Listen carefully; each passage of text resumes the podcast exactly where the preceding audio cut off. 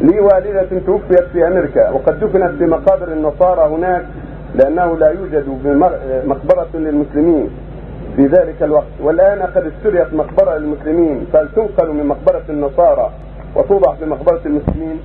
نعم نعم. تنبش وينقل ما يوجد من عظامها وآثارها في مقبرة المسلمين. وإذا كان ما مقبرة تنبش وتوضع في محل بعيد عن الكفار وتدفن وتواسى الأرض بها حتى لا يهتدى إليها حتى لا تكون بين النصارى والكفار. لا يجوز الدفن مع الكفار أبدا.